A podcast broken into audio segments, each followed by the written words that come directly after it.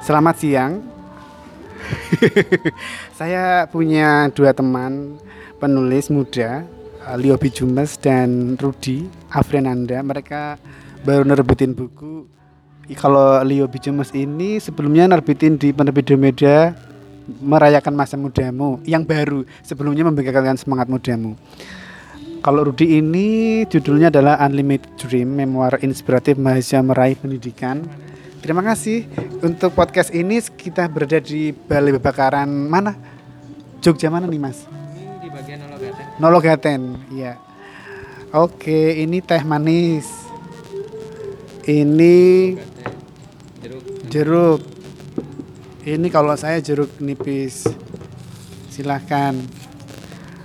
Saya mau tanya ke Leo untuk buku barunya yaitu merayakan masa mudamu. Ini kayaknya aku habis marah-marah kelihatan banget ya.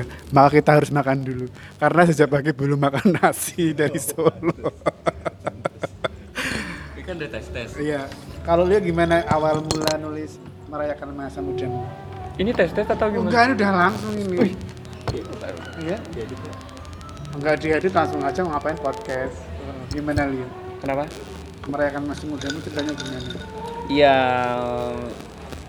sebuah karya terbaru tentunya dari saya secara pribadi. Kalau ditanya bagaimana perjalanan karya eh, merayakan masa mudamu, ini memang berangkat dari pengalaman ya, pengalaman secara pribadi dan pengalaman itu tidak hanya saya eh, nikmati sendiri tapi saya harus uh, menyampaikan uh, pengalaman-pengalaman itu bagi generasi muda.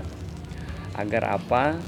Agar mereka terus uh, bersemangat terus memiliki prinsip-prinsip yang optimistis ke depannya. Kemudian tentunya saya memberikan tiga hal di sana sebenarnya gambaran. Yang pertama itu adalah skill, kemudian pengalaman, kemudian uh, attitude ya, nilai-nilai ada di sana yang saya nilainya apa?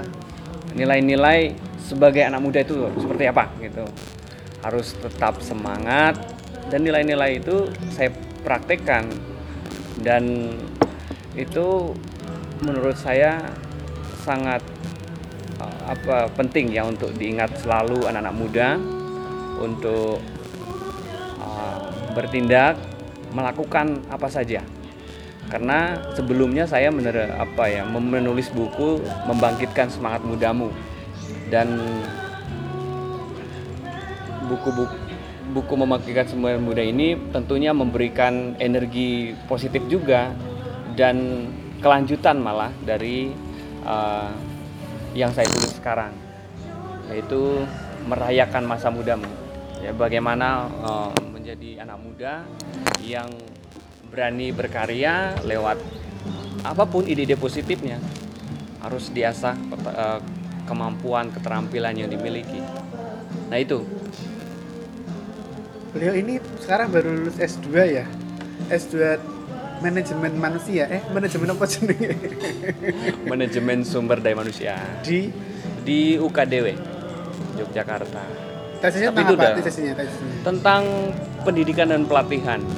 Jadi uh, lebih ke pengembangan diri, bagaimana meningkatkan kualitas sumber daya manusia, bagaimana mereka tetap produktif dalam bekerja, bekerja sama dengan tim dan lain sebagainya.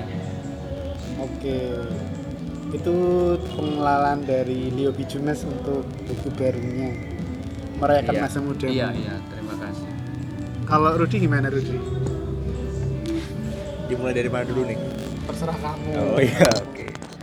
Eh, kalau dari saya sendiri, eh, ini sebenarnya ceritanya diangkat dari eh, cerita pribadi saya sendiri ya, yang latar belakangnya dari keluarga petani dan kemudian melanjutkan pendidikan sampai saat ini gitu.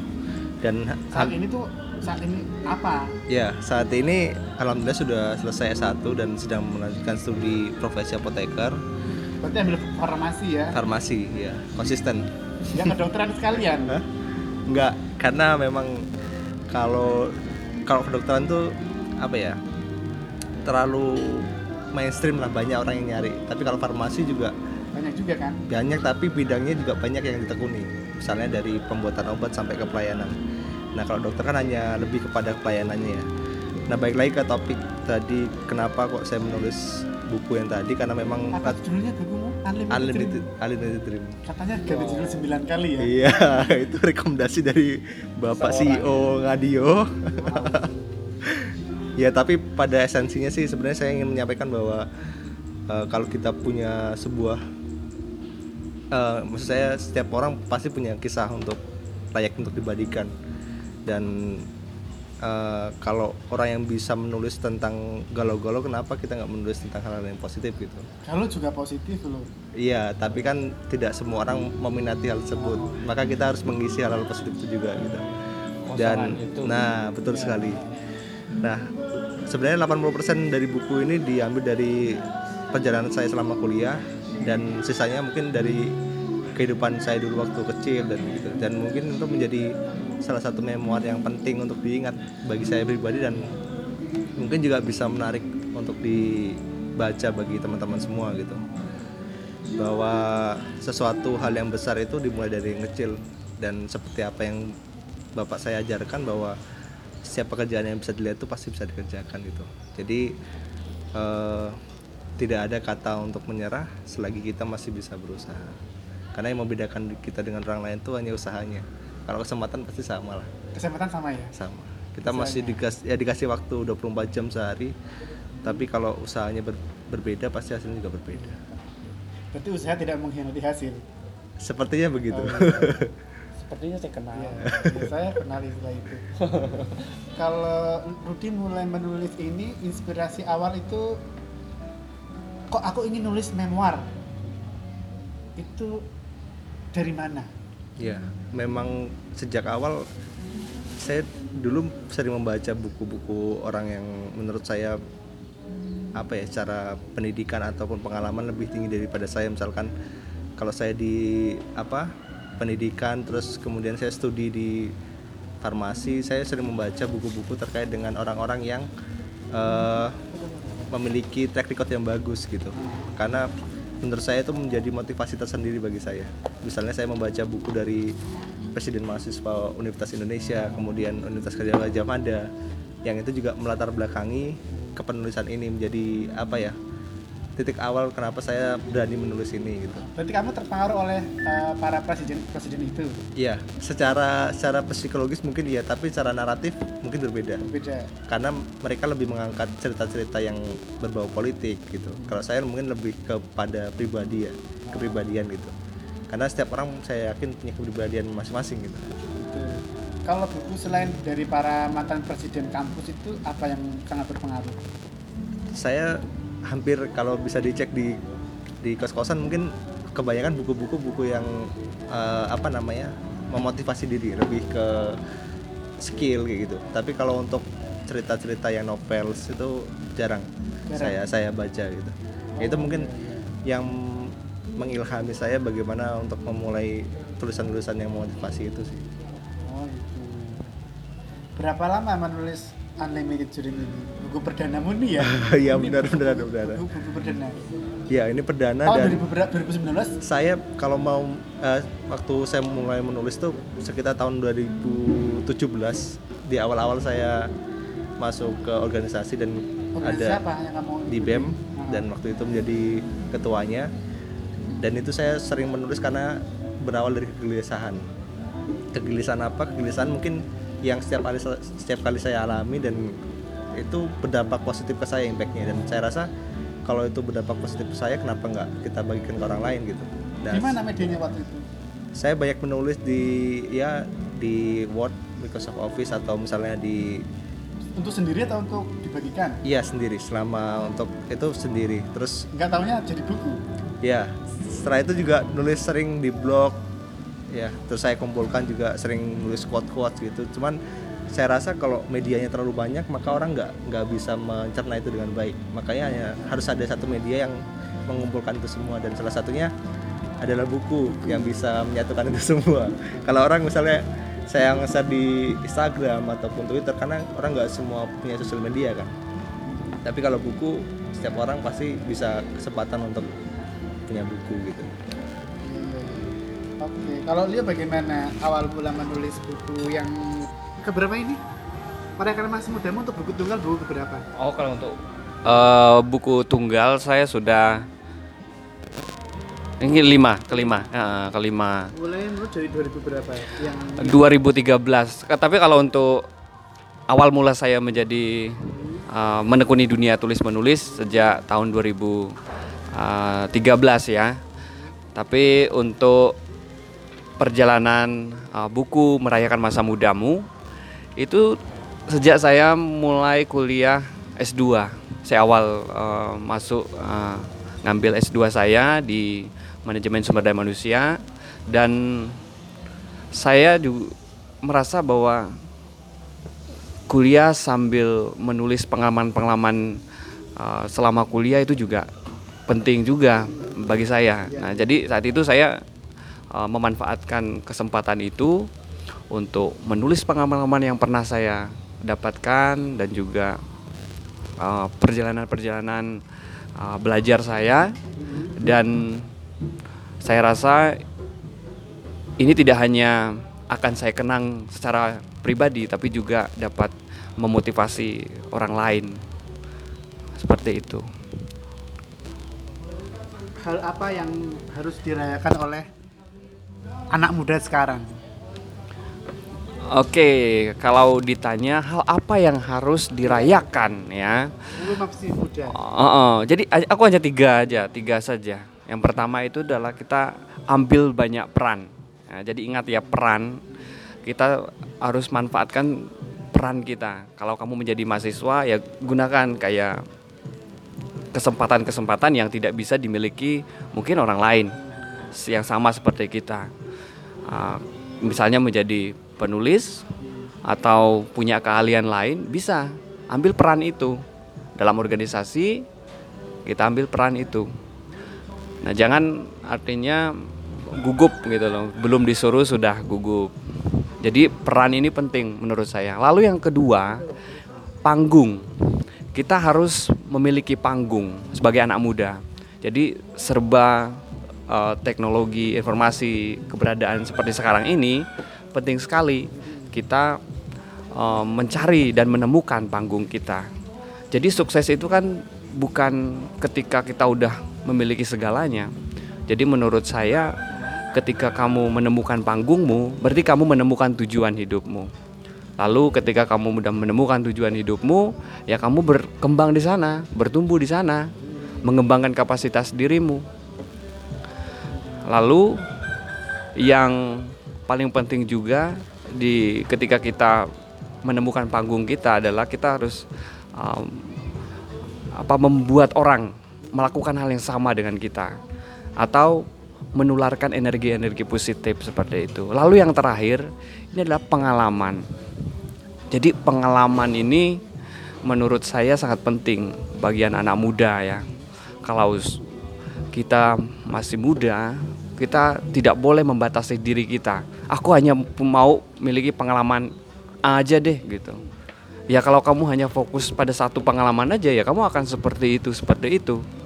Tetapi apabila kamu berani, misalnya sekarang eh, kita bisa berkolaborasi dengan siapa saja, kita bisa eh, melakukan apa saja yang kita inginkan. Ya tunggu itu, ambil panggung itu, eh, ambil pengalaman itu, ya entah kita menjawab apa ikut dalam sebuah riset ataupun kita ikut dalam klub uh, basket ataupun kita klub musik dan lain sebagainya.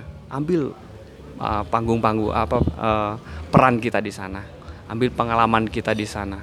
Nah saya saya rasa ini yang uh, penting ya garis besarnya yang menurut saya harus dimiliki seorang anak muda. Jadi 3P istilah saya. Peran panggung pengalaman gitu aja deh. Uh, dan neko-neko. Tapi kalau prinsipnya ya udah ada lain lagi. Prinsip ada tujuh kalau menurut saya. Ada di buku saya terus eh, apa eh, selengkapnya. selengkapnya ya. Lebih jelasnya ada di buku saya. Saya coba mengulas itu. Dan juga mas uh, nggak Dio Mas Dio oh, oh. Mas Dio. Oke oke. Mas Dio. Mas Dio. Mas Bro Dio. Em, buku merayakan masa muda ini sebenarnya pengembangan dari satu artikel yang pernah saya tulis di sebuah media online. Daring gitu ya.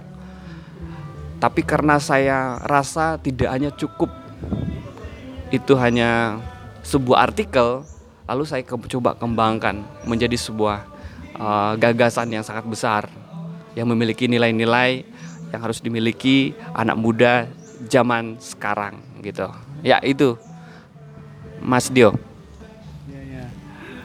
Eh, saya sangat senang bekerja sama dengan anak muda ya karena mereka masih punya masa depan yang panjang dan anak muda itu pengubah dunia ya. Ya, saya sangat eh, mengapresiasi itu. Kalau Rudi apa eh, turning point atau hal yang men, ya Pak titik balik di buku ini yang ingin disampaikan kepada pembaca sebenarnya? Sebenarnya eh, ada beberapa segmen sih. Kalau misalkan kita membacanya dari segmen mahasiswa mungkin gimana kita apa ya memulai dari titik teman-teman mungkin baru lulus baru lulus dari SMA terus menentukan perguruan tinggi apa yang akan dipilih dan sampai jenjang eh, dia menyelesaikan pendidikannya. Tapi di dalamnya itu bukan hanya kuliah pulang kuliah pulang gitu. Tapi ad- ada esensi lain yang harus dijalani. Misalnya ikut ke kegiatan organisasi dan lain sebagainya. Itu salah satu poin yang ingin saya sampaikan. Dan setelah itu tugas kita tidak hanya berhenti di pendidikan ketika kita lulus S1 ataupun jenjang berikutnya. Tapi bagaimana kita bisa impactful kepada orang lain gitu. Nah itu yang menjadi titik poin yang ingin saya sampaikan. Dan di sini saya menyampaikan bahwa salah satu framework saya membuat salah satu bisnis carijamu.com tapi itu bukan salah satu contoh yang harus diikuti. Tapi banyak sekali contoh-contoh yang lain. Salah satu contoh saja ya. iya betul. Jadi banyak sekali contoh-contoh yang lain teman-teman bisa lakukan gitu. Misalkan teman-teman membuat satu project dan sebagainya itu tapi diprioritaskan untuk membantu orang lain. Nah itulah yang sangat penting yang dibutuhkan masyarakat kita bukan hanya teori karena kalau teori semua orang bisa pelajari tapi kalau berpraktek tidak semua orang mau melaksanakannya itu. Itu yang poin yang saya sampaikan. Oke. Eh, kalau Leo untuk buku terbaru ini merayakan masa mudamu punya kesulitan atau memang lancar jaya terus awal mulai menulis kemudian sampai terbit apa yang sangat berkesan di buku merayakan masa mudamu dibanding buku sebelumnya Iya, kalau dibilang prosesnya seperti apa, tentu setiap karya itu punya proses dan masanya masing-masing. Dan saya sangat eh, antusias setiap karya saya apa namanya berhasil terbit misalnya. Saya sangat senang sekali. Tentu untuk eh, apa untuk menghasilkan sebuah karya yang nikmat dibaca oleh pembaca dan juga bisa di apa namanya dipelajari oleh pembaca tentu ada banyak peran di sana. Saya tidak hanya sendiri saya punya uh, penerbit editor dan juga uh, teman-teman yang mendesain semua hal di balik buku ini. Tentu itu adalah proses untuk menjadikan buku ini seperti sekarang. Dan saya sangat berterima kasih kepada penerbit uh, Dio Media yang selalu antusias seperti menerbitkan anak-anak muda ya Wow. Anak muda antusias mendorong tidak hanya menerbitkan tapi mendorong kami sebagai anak muda untuk terus berkarya, terus berkarya seperti itu. Dan tentu saja ini membuat kita antusias tentu. Seperti uh, apa yang saya katakan bahwa ini luar biasa. Dan kami sangat uh, senang. Ya semoga anak muda yang mendengarkan ini jadi ikut nulis jadi terinspirasi untuk berkarya. Ya. Kami sangat ya sharing juga sama kami boleh. Sama saya, Leo, sama Ru- Rudi juga boleh, sama Kak Ngadio juga boleh. bro bro Semua tuh burung hati itu hapus semua itu. Aku oke terima kasih geli aku burung hati yo. Kalau Rudi buku ini adalah buku perdana kamu ya. Tunggal langsung ya. Heeh, langsung tunggal. Sebelumnya belum pernah nerbitin buku bareng-bareng atau Berarti kenapa langsung pingin nulis buku sendirian itu loh?